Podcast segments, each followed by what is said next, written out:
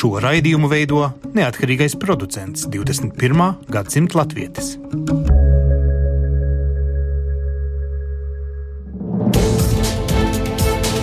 Septiņas dienas Eiropā piedāvā Eiropas radiotīkls Eironet.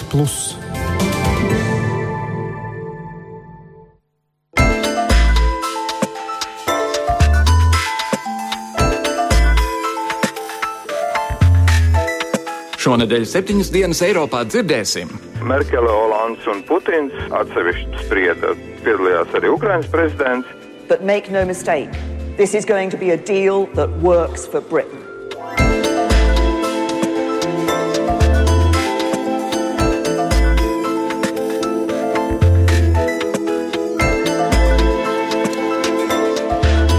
Labdien, godājamie klausītāji! Latvijas radio studijā Kārlis Streips sveicināti jaunākajā raidījumā Septiņas dienas Eiropā. Eiropadomes samitā Lielbritānijas premjerministra Terēza Meija drīkstēja darīt tikai to, ka viņa varēja sniegt īsu piecu minūšu uzrunu par Brexit. Viņa teica, ka pēc Lielbritānijas šķiršanās no ES draudzība būšot jāsaglabā, jo Lielbritānija vienmēr vēlējusies spēcīgu Eiropas Savienību kā partneri. Neskatoties uz mējas uz izlīgumu it kā vērstiem vārdiem, Eiropas valstu līderi kategoriski atteicās iesaistīties jebkādās sarunās par Brexit, uzstājot, ka nebūs nekādu sarunu pirms Lielbritānija formāli paziņo par izstāšanās procesa uzsākšanu. Vēlāk Meija stājās preses priekšā, šoreiz noraidot izskanējušo domu, ka Britu amatpersonas būs spiestas noturēt vienošanās sarunas par apvienotās karalistes šķiršanos ar Eiropas Savienību franču valodā.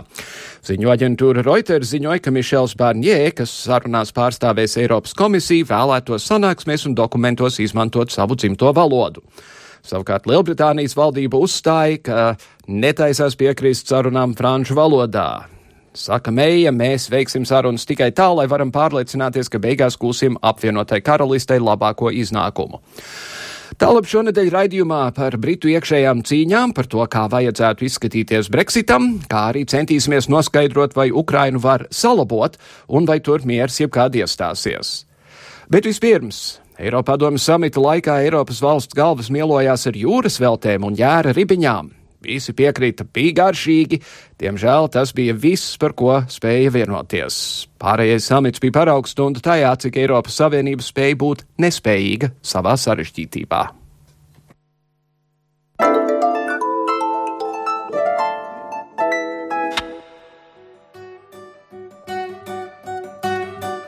Eiropadomes rudens samits sākās ceturtdien un beidzās piekdienas pēcpusdienā. Un daudzi uzskata, ka pārāk maz tajā laikā tika panākts. Vienīgie sasniegumi, ar ko sanākušie varēja lepoties, bija lēmums migrācijas plūsmas samazināšanas nolūkos turpināt slēgt sadarbības vienošanos arī ar citām valstīm. Par spīti tam, ka esošā ar Turciju ir ļoti nestabila un Eiropas Savienība pašreizējos solījumus vēl nav izpildījusi. Tikmēr pārējo laiku Eiropas valsts vīri nespēja neko konkrētu veikt. Nebija vienotības, kā tikt galā ar Krievijas pieaugušo agresiju. Lai gan vairākas valsts uzstāja uz papildus sankcijām Krievijai par necilvēcīgo kardarbību Sīrijā, kopīgi Eiropas Savienības līderi izvairījās spērt šādu soli. Vadītāji arī uzstājīgi centās ignorēt Brexit jautājumu. Lielbritānijas premjeras Terēzes Mejas pirmajā samitā.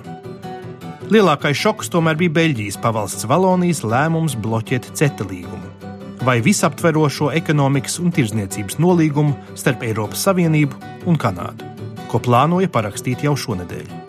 Valonijas ministru prezidents Pols Maņē teica, ka viņš vēlas redzēt papildus garantijas Valonijas uzņēmējiem un ražotājiem, pirms būtu gatavs to atbalstīt. Ja Valonija neapstiprina līgumu, tad Beļģijas konstitūcija neļauj tai to parakstīt. Un tā Eiropas Savienībai būs liekts slēgt šo vienošanos pie kā Eiropas komisija un Otavas valdība cītīgi strādā jau septiņus gadus. Šī neveiksme ir īpaši skaudra, jo Savienība šobrīd mēģina sev un pasaulē pierādīt, ka tā ir spējīga rīkoties izšķiroši un ka ir apņēmusies darīt visu, lai veicinātu ekonomisko izaugsmi. Izteikti emocionāla Kanādas tirdzniecības ministra Kristīna Frīlande pēc Valonijas paziņojuma presē teica šādi: Au cours des derniers mois, nous avons travaillé très fort avec la Commission européenne. Pēdējo pāris mēnešu laikā esam ļoti smagi strādājuši ar Eiropas komisiju un visām dalību valstīm. Diemžēl ir skaidrs, ka Eiropas Savienība pašlaik nav spējīga noslēgt starptautisku vienošanos pat ar valsti, kas vērtību ziņā ir līdzīga Eiropai ar laipnu un pacietīgu valsti kā Kanāda. Kanāda ir vīlusies un es personīgi esmu ļoti vīlusies. Mēs esam ļoti, ļoti smagi strādājuši, bet nolēmām, ka tagad jāizbrauc. Tālākā rīcība ir Eiropas ziņā. Il semble évident pour moi, pour le Canada, que l'Union européenne n'est pas capable maintenant d'avoir un accord international.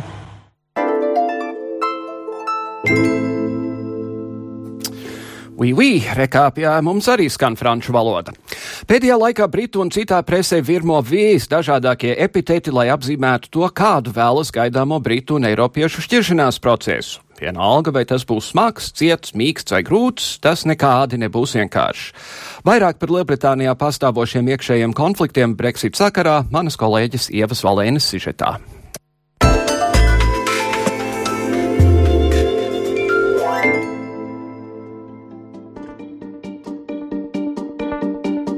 Nu jau pagājuši tieši četri mēneši, kopš Briti nolēma, ka vēlas redzēt savu valsti pamatam Eiropas Savienību. Oficiāls izstāšanās process vēl nav sācies, bet Britu premjerministra Terēza Meija solījusi to uzsākt nevēlākā nākamā gada martā. Tomēr jau šobrīd tiek spriests gan par to, kādas būs Britu pozīcijas sarunās, gan arī par to, kādā valodā sarunas notiks. Šis mēnesis ir bijis visnotaļ interesants Brexit jautājumā. Mēneša sākumā notika Britu konservatīvās partijas konference, kurā Meijas teikto daudz iztulkoja kā signālu signālu smagam Brexit.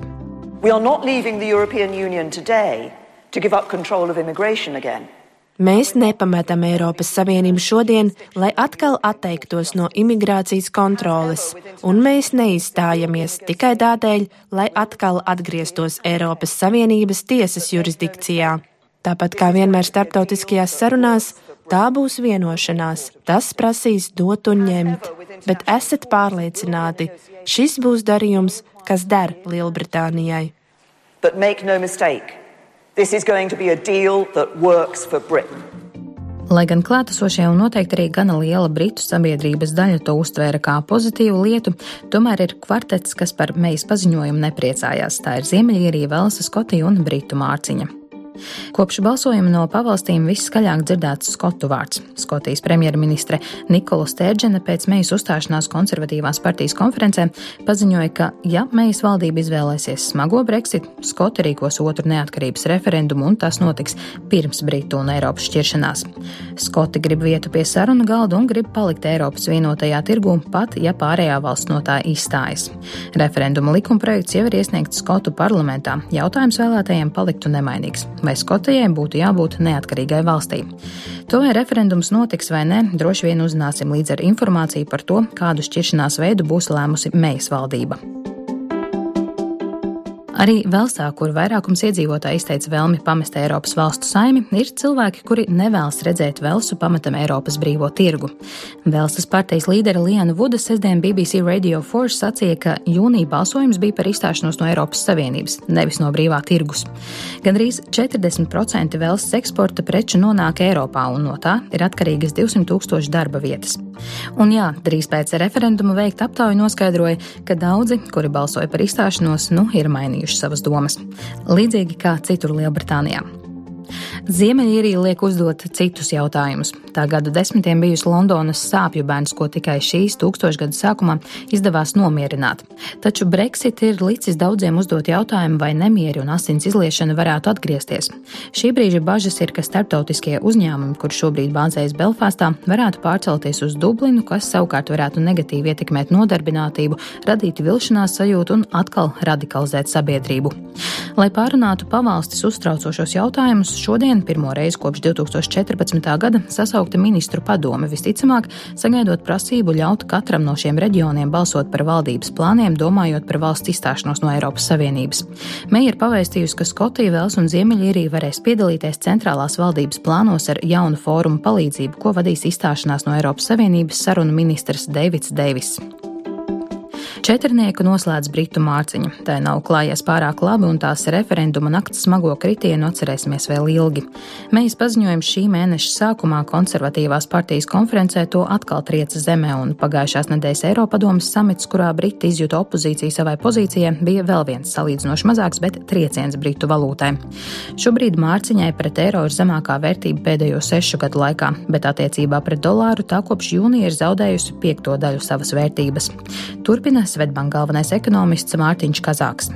Mārciņa kopš Brexit ir zaudējusi apmēram 15% no savas vērtības, un uh, ņemot vērā, ka tas bardaks īsti vēl nav atrisinājies, un nav zināms, kāds būs šis jaunais līgums, kā Briti stāsies no Eiropas Savienības ārā, tad visticamāk Mārciņa kļūs vēl vājāk. Bet tā pašā laikā, ja mēs skatāmies uz ekonomiku kopumā, nu, pašlaik izskatās, ka nav tik slikti kā bažījās. Jā, arī lētāk mārciņa nozīmē, ka eksportam ir zināms atbalsts. Tā kā skatoties uz pirmajiem pāris mēnešiem, var teikt, ka varēja būt krietni sliktāk. Bet, diemžēl, tas stāsts, protams, vēl nav beidzies. Un ļoti iespējams, ka virkne tādu negatīvāku lietu, piemēram, ietekme uz investīciju aktivitāti var parādīties tikai vēlāk. Briti var lepoties ar šogad neveiksmīgākās valūtas titulu, taču tas nekaitē tikai Britu ekonomikai. Pagaidām Briti ar vienu ir daļa no Eiropas Savienības, un tas nozīmē, ka viņiem ir jāiemaksā nauda Eiropas budžetā. Un viņi to, protams, dara savā valūtā, un ja tā ir vērta mazāk, tad Eiropa saņem mazāk. Portāls Politico ziņo, ka Eiropas parlamenta locekļi, kuriem drīzumā jābalso par nākamā gada budžetu, pauduši bažas par to, kā aizlāpīt mārciņas vērtības krituma radīto caurumu. Parlamenta locekļi ir tik nikni, ka zem anonimitātes vairoga sacīja, ka Lielbritānija nav nekas vairāk par raizēm, un jo ātrāk tā izstāsies no Eiropas Savienības, jo labāk.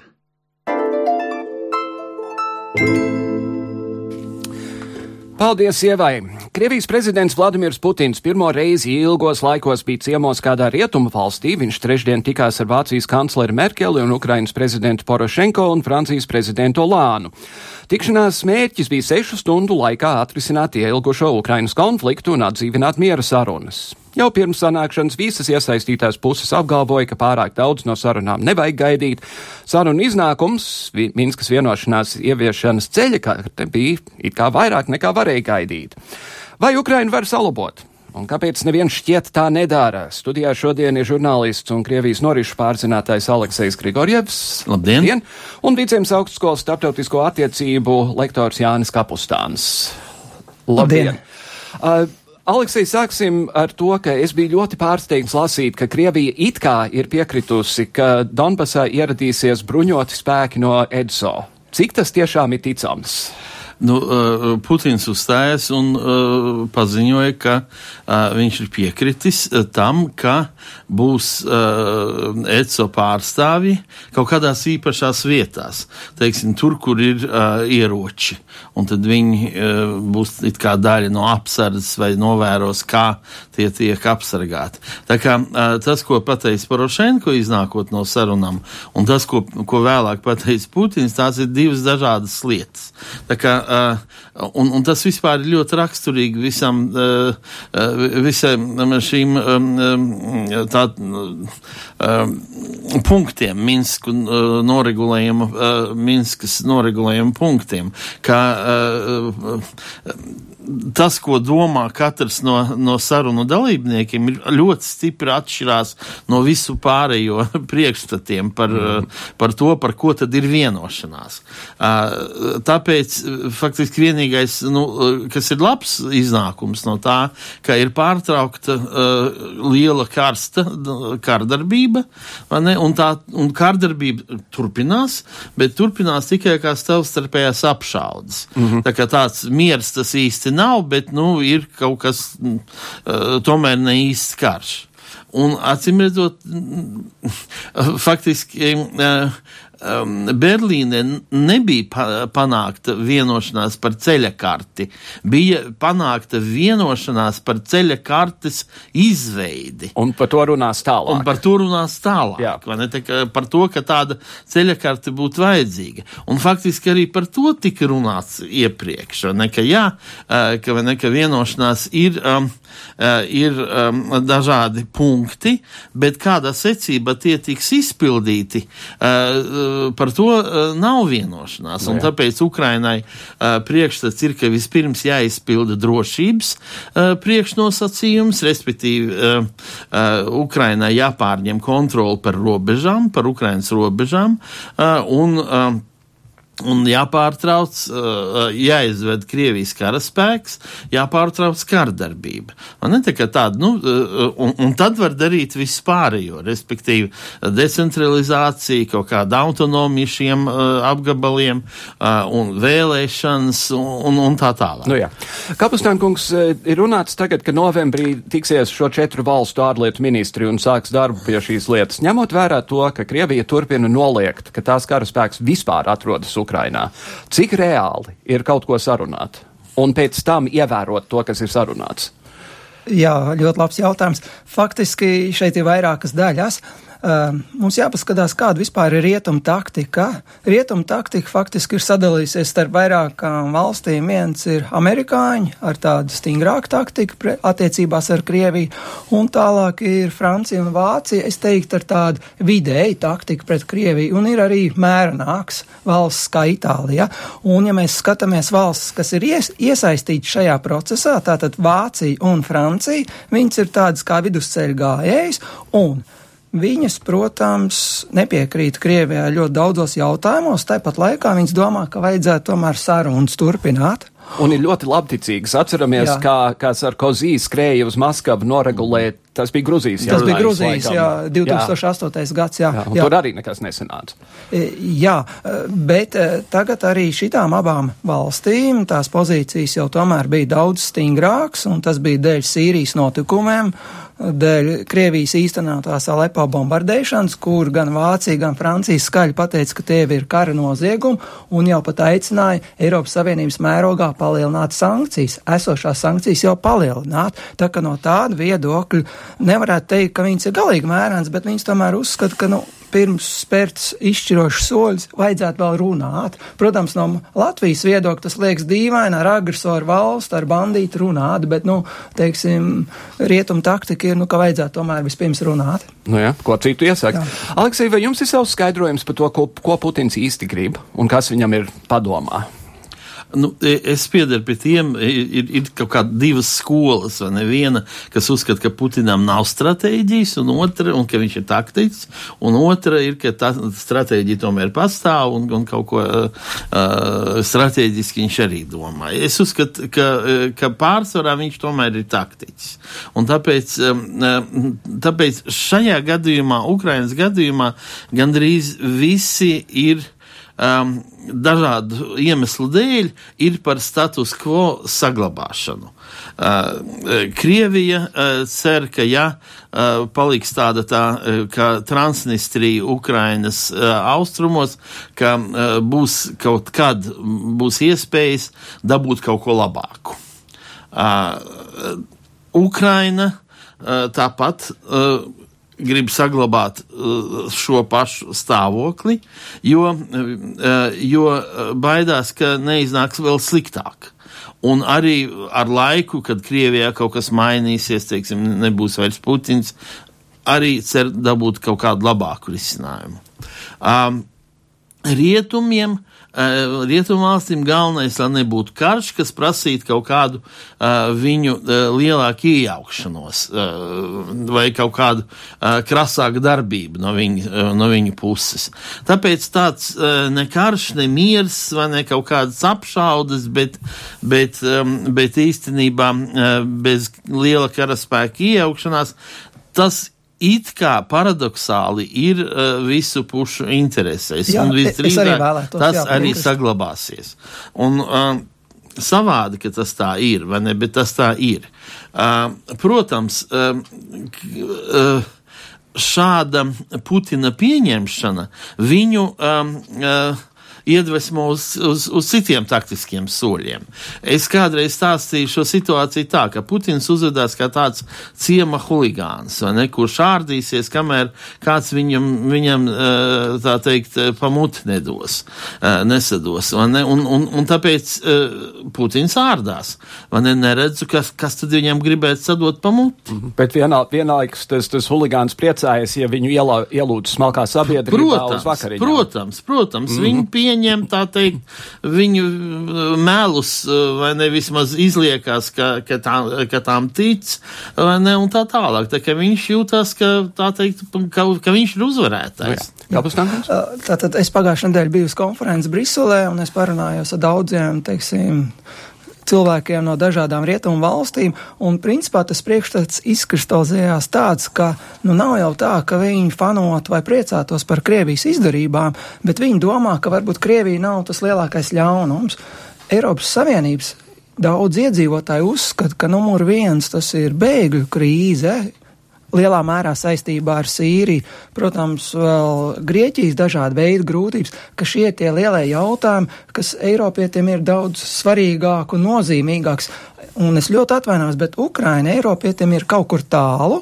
Ukrainā nav tik spēcīga lobby. Mm -hmm. Es šeit domāju, tādas valsts kā Vācija, Francija noteikti nav tās draudzīgākās valsts Ukrainai. Tātad Baltieši, Polija tomēr nav tās ietekmīgākās valsts. Un viņiem liekas, ka mēs esam tālu, un ir Eiropieši, piemēram, es runājos ar Itāļu pasniedzēju, kas teica, ka, nu, ar Krieviju mums vajadzētu vienoties uz lielajos jautājumos, jo tagad nāk teroristi, bēgļi, daudzas problēmas iekšā, bet ar Krieviju atvainojot, mēs it kā varētu vienoties, sarunāt. Mm -hmm. Viņi tā domā. Un nevelti Eiropas Savienība tomēr nevarēja nonākt pie kopsaucēja par jaunām sankcijām pret Krieviju par barbārijas un kāda tā izrāda Sīrijā. Es varbūt šeit nebūtu tik pesimistisks. Um, Eiropas Savienība darbojas diezgan lēni. Eiropas Savienība ir diezgan nopietni sākus runāt par šādu iespēju. Es šādu iespēju tomēr nākotnē neizslēgtu pilnībā, mm -hmm. bet Eiropas Savienība nevar strauji šādu soli pieņemt, jo atcerēsimies, mēs dažiem mēnešiem jau gāja runas, ka vispār mazināt sankcijas, no nu jā. un tad sākās Sīrijas notikumi, un visi saprata, ka tas vispār nav iespējams.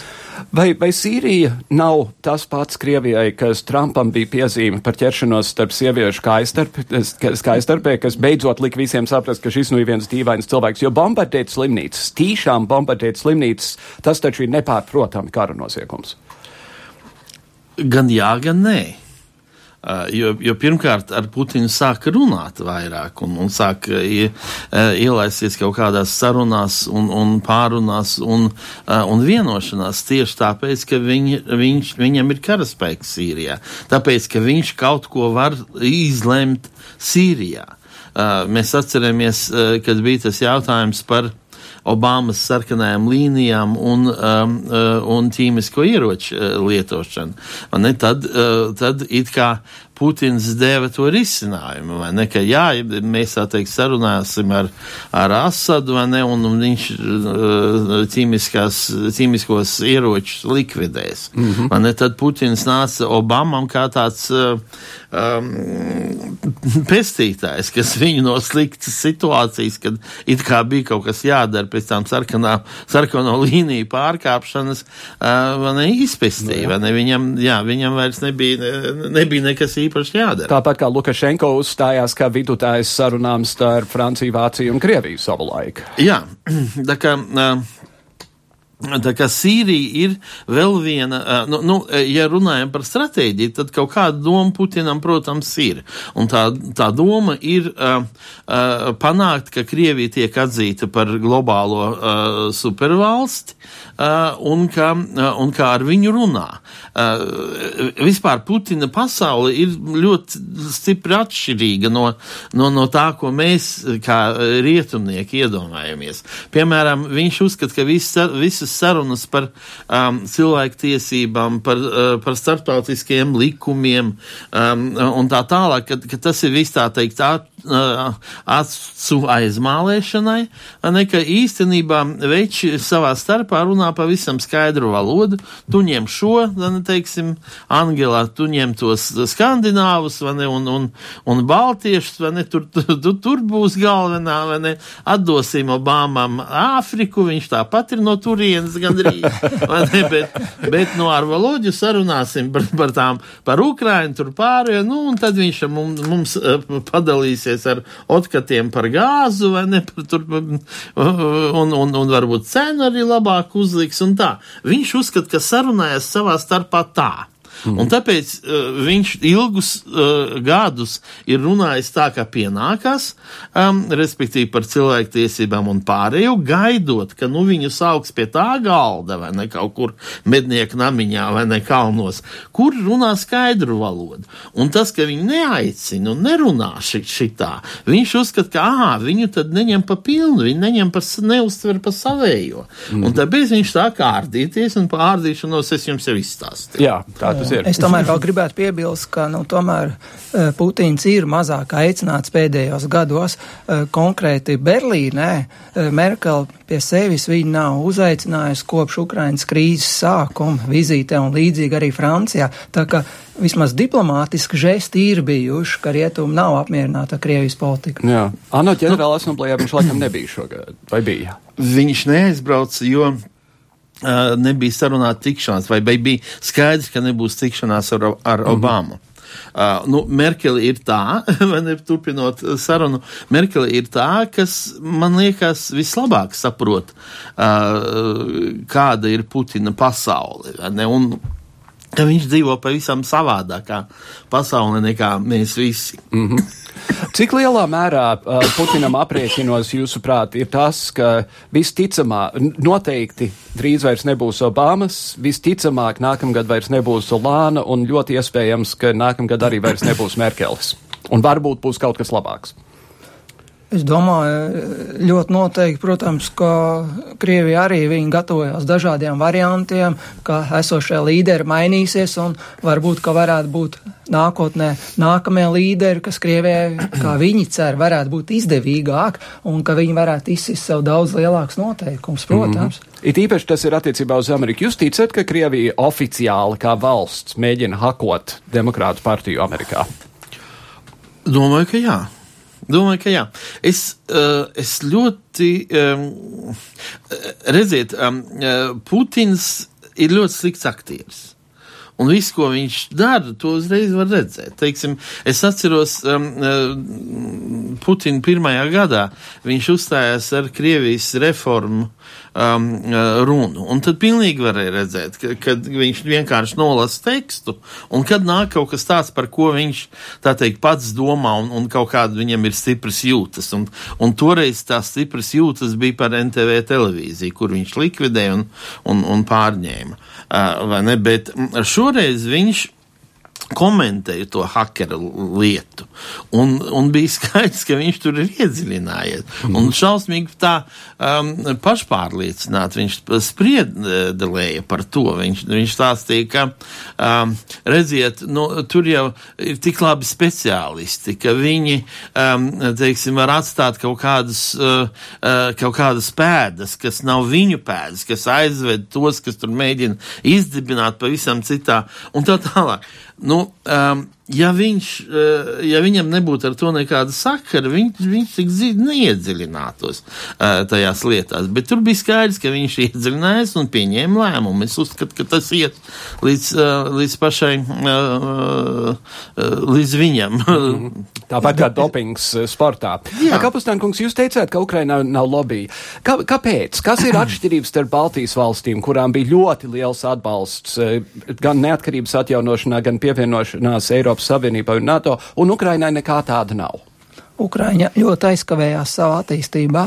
Mēs tomēr jau 91. gadā izdomājām, ka mums vajag neatkarību un būsim godīgi. Mēs jau tad zinājām, ka mēs gribam, mēs tiešām ļoti gribam iestāties Eiropas Savienībā un NATO, lai arī mēs vēl dažu gadu pagāja, līdz mēs oficiāli to izvirzījām mērķi, bet mēs to zinājām, ka, mē, ka tas ir mūsu sapnis, kur mums jātiek.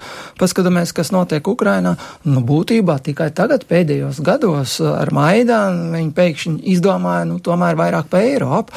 Labi, pirms tam bija oranžā revolūcija, bet tur tas viss beidzās diezgan it kā negatīvi, un varētu teikt, ka viņi tā kā apstā, bija mm -hmm. nokavējuši, nokavējuši. Tad, tad to izvēli viņiem vajadzēja sen jau izdarīt, un līdzīgi diezgan grūti tomēr cīnās, uzskatos arī viņa kaimiņu Zeu Moldova. Jā. Jā, tā tas ir. Mm -hmm. vai, vai viens vai otrs no jums pieļaujat teorētiski iespēju, ka Ukraina varētu sašķelties? Pat labi ir aktuāls jautājums, vai Beļģija tur saturēsies kopā, -hmm. tagad, kad baloņi ir uzdarbojušies attiecībā uz CETA līkumu, vai, vai Ukraina kaut kādā brīdī varētu pacelt rokas un teikt, Donbass, tavai prom, mēs būsim rietuma, mēs būsim Ukraina rietumos, mēs tagad stāsimies iekšā Eiropas Savienībā. De facto jau Ukraina sen ir sašķelta. De facto faktiski ir. Ir lielā Ukraina un ir austrum divi apgabali gabalu, kurus būtībā Krievija kontrolē. Tā kā de facto jau viņi sen ir sašķelti. Mm -hmm.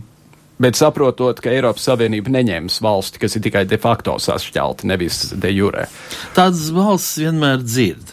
Un dzird arī, ar, arī cits, piemēram, tad, kad es biju Ļuvovā, un, un uh, uh, tā, tā ir uh, Heličinā, Ukrainā, ne, ka viņi bieži vien spriež par to, ka ja mēs seši apgabali, kas bija Austro-Ungārijas impērija, vai ne, ja mēs, un tur ir apmēram desmit miljoni iedzīvotie, tā kā Čehijā, ja mēs būtu atsevišķi, mums būtu apmēram tā kā Čehijā vai vismaz kā Polijā. bet, bet tomēr, uh, uh, tomēr Ukraina ir uh, it kā, it kā ir uh, tie divi pret poli, vai ne viens, viens rietumos, viens austrumos, bet tomēr ir, ir ļoti daudz dažādas saiknes, kas tomēr visu Ukrainu satur kopā. Un pati Ukraina nekad nesašķeltos, vai ne? Un, un vispār man nepatīk, kad mēs runājam par Ukrainas krīzi. Ukrainas krīze beidzās ar Janukoviča bēgšanu. Tad sākas Krievijas agresija pret Ukrainu. Un, un šī šķelšanās, tāpat kā uh, Krimas pazaudēšana, es ceru, uz kādu laiku, ir um, Krievijas uh, darbības rezultāts, nevis, nevis Ukrainas iekšējās um, kaut kādas vājības mm uh, izteiksme. Nu, varētu teikt, ka Ukraiņiem tagad notiek nācijas veidošanas process, jo ja vēl pirms dažiem gadiem ļoti daudz, teiksim, diezgan skeptiski runāja par Ukrainu kā valstu un nāciju, tad tagad es domāju, nevienam nav šaubu, ka Ukraiņa būs simts gadus un ilgāk. Jā, bet tajā pašā laikā vai ar pietiekamu progresu, jo pirmkārt Porošenko ir slikts simbols uh, oligarhu kategorijās, un otrkārt daudz ir runāts par to, ka viņi tomēr nespēja tikt galā ar korupciju, ar budžeta lietām un tā tālāk un tā joprojām. Es domāju, šeit ir divas puses. Viens ir tiešām brīvprātīgo varonīgu frontē, un viņa atbalstītāji tā ir tā pozitīvā puse, un otrs ir tā korupcija, kas ir bijusi gadiem ilgstoša, un nu, kur vienkārši nav iespējams ātri mazināt un izskaust. Paskatīsimies, mums taču Latvijā arī ir oligarhi un ļoti ietekmīgi cilvēki. Mēs arī ar viņiem tā nemaz netiekam galā. Es domāju, arī citās valstīs ir līdzīgi. Protams, tikai varbūt Ukrainā tā situācija ir bēdīgāka ar, ar korupciju. -hmm. Jā, ir, uh, ir izveidojusies Ukraiņ, Ukrainas pilsoņu sabiedrība. Man ir ļoti daudz, uh, uh, daudz visādas nevalstiskas organizācijas, kas nodarbojas ar to, ar ko vajadzētu nodarboties valstī. Bet, uh, bet Ukrainas apstākļos viņi izdara. Uh, ir um, uh, vesela organizācijas, kas seko prezidenta darbībai. Un tikko kaut kas nav, nav tā, vismaz ziņo sabiedrība sabiedrībai par to. Mm -hmm. uh, ir organizācijas, kas seko valdībai. Daudzi, daudzi um, līderi, uh, sabiedrības līderi ir uh, darbojas kā eksperti uh, um, uh, ministrijās. Uh, ir arī zināms progress, piemēram, um, valsts iepirkumu, iepirkumu jomā. Tas, iepirkumi kļuvuši daudz transparentāki. Uh, tad um, ir um, vesels birojs ar Balceroviču priekš priekšgalā, uh, kurš, uh, kurš it kā palīdz reformām un arī, uh, arī steidzina reformas mm -hmm. Ukrainā. Tā kā te var skatīties gan šā, gan tā. Tas tā glāze ir vai nu pustukša vai puspilna. Jā, nu cerēsim, ka puspilna gribētos, lai Ukraiņiem tomēr izdodas, vai ne? Un ar to mums arī, diemžēl, ir jābeidz, jābeidz mūsu saruna. Aleksējs Grigorjevs, mēs esam seni cīņas biedri no atmodas un tautas frontes laikiem. Paldies par sarunu! Paldies. Un Jānis Kapustāns. Paldies jums abiem! Paldies! Jau 18 gadus rakstnieks Salmans Raštī ir slēpies no musulmaņu fanātiķiem. Pēc viņa grāmatas satāniskās vārdsmas publicēšanas Irānas musulmaņu garīdznieki izsludināja fatvu vai 3 miljonus dolāru atlīdzību tam, kas viņu nogalinātu. Tomēr viņš turpina rakstīt un ir teicis, fanātisma lielākais ienaidnieks ir prieks, tālāk svarīgākais ir turpināt priecāties un baudīt dzīvi, tā mēs pieveiksim terorismu. Mēs septiņas dienas Eiropā priecājamies, ka arī mēs varam katru dienu mazliet pieveikt teroru. Šī mēneša laikā Eiropā apturēti vismaz četri terorakti, divi no tiem Vācijā. Skaļākais bija islāma terorista arests 10. oktobrī. Terorists bija plānojis uzbrukt vienai no Berlīnas lidostām.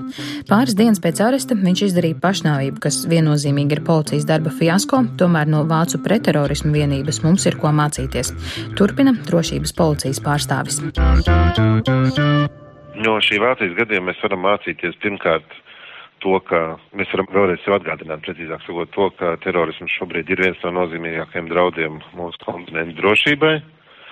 Varbūt mūsu valsts tas neskar šobrīd tieši, jo pie mums tas terorismu draudu līmenis joprojām saglabājas salīdzinoši zems, taču mūsdienu pasaulē, kad uh, daudz Latvijas iedzīvotāji aktīvi ceļo arī uz citām Eiropas Savienības valstīm, tad uh, gan, gan darba braucienos, gan atpūtas braucienos, tad tas var arī mūsu skart tieši netieši, jo uh, ja terorismu draudu uh, līmenis ir paaugstināts daudzās Eiropas valstīs, uz kurām mēs regulāri ceļojam, tad, protams, tas var uh, arī netieši, bet ietekmēt mūsu pilsoņu drošību ārpus mūsu valsts robežām.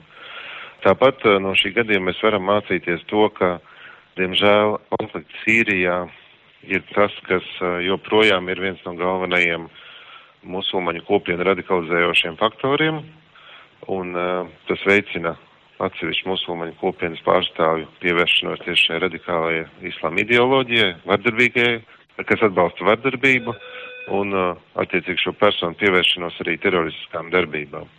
Tāpat no šī gadījuma mēs droši vien varam arī mācīties to, ka mums ir um, ļoti rūpīgi jāveic pārbaudas tiem tādām personām, kuras ieceļo no Sīrijas un citām šī reģiona valstīm šobrīd Eiropā lielā plūsmā. Ir uh, ļoti svarīgi veikt pēc iespējas detalizētāk šo personu pārbaudi un būt cik vien iespējams pārliecinātiem par to, vai šīs personas nerada draudus mūsu valstu drošībai. Un tāpat noteikti mēs arī no šī gadījuma varam vēl mācīties to, ka tas personas, kuras izlem pievērsties teroriskām darbībām, joprojām par vienu no saviem prioritāriem mērķiem uzskata transporta infrastruktūras objekts, vienalga vai tas ir dzelzceļš vai lidost, Vēl mēs varam arī droši vien atzīmēt to, ka improvizēties spridzekļi joprojām ir viens no tiem darbības veidiem, ko teroristi plāno izmantot, lai sasniegtu tos savus mērķus, radīt pēc iespējas lielāku uz cilvēku upurus, radīt pēc iespējas lielāku paniku. Nebūs pārspīlēt teikt, ka tik cieša sadarbība kā ir šobrīd nav nekad bijusi iepriekš. Droši vien no cilvēks vēsturē starp uh, Eiropas valsts pēcdienestiem. Tā sadarbība ir intensīva, tā sadarbība notiek praktiski ikdienas režīmā, un tas, kas ir noteikti mainījies, ir tas draudu apmērs, kāds viņš ir. Viņš ir pēdējo gadu laikā, diemžēl, pieaudzis, ja mēs skatāmies Eiropas kontinenta kontekstā, un, protams, tāpēc arī pat pie šīs intensīvās sadarbības gadās, diemžēl, tie gadījumi, kad uh, dienestiem neizdodas laicīgi identificēt un novērst šos uh, traģiskos negadījumus.